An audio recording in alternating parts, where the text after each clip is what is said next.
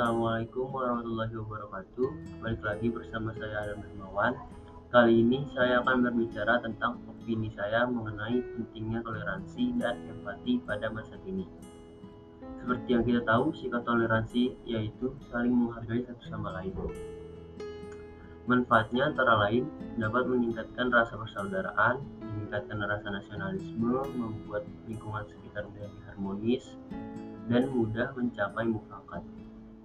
Oke, sekarang opini saya mengenai toleransi pada masa kini. Pada masa kini, sikap toleransi sangat penting dan harus dimiliki semua orang. Kenapa? Karena pada masa kini, rasisme sedang meningkat dan kalimat rasisme ini menjadi sensitif. Contohnya belakangan ini ada kejadian rasisme yang sempat ramai diperbincangkan orang-orang, terutama di Amerika, yaitu Black Lives Matter anti-Asia, Islamofobia, dan lain-lain. Berkaca dari kejadian tersebut, maka dari itu kita harus menjunjung tinggi toleransi apalagi di negara itu, di negara kita ini. Indonesia. Yang mana penduduknya dari berbagai macam suku, ras, agama, dan budaya. Sedikit saja hal rasisme terjadi dan terangkat ke publik, maka dampaknya akan cukup besar. Cukup besar untuk memecah belah Indonesia. Sekali lagi, maka dari itu toleransi harus dijunjung tinggi oleh masyarakat kita. Oke, lalu empati. Apa sih empati? Empati adalah kemampuan untuk memahami apa yang dirasakan orang lain, melihat dari sudut pandang orang lain tersebut, dan juga membayangkan diri sendiri berada pada posisi orang tersebut.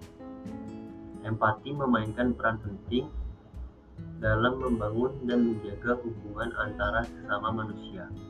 Empati juga tidak kalah penting dengan toleransi. Dengan kita memiliki rasa empati, maka kita akan mudah memiliki sikap toleransi. Ada beberapa cara untuk memiliki rasa empati. Yang pertama, berusahalah untuk mendengarkan orang lain sebaik mungkin tanpa menyela. Lalu cobalah untuk memahami orang lain walau Anda sebenarnya tidak setuju atau tidak sependapat dengannya.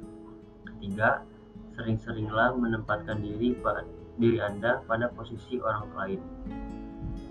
Lalu manfaat memiliki rasa empati. Yang pertama, membangun hubungan sosial, melatih perilaku tolong-menolong, dan dapat mengatur emosi diri sendiri. Sekian dari saya tentang opini mengenai pentingnya toleransi dan empati pada masa kini. Kurang lebihnya mohon maaf. Wassalamualaikum warahmatullahi wabarakatuh.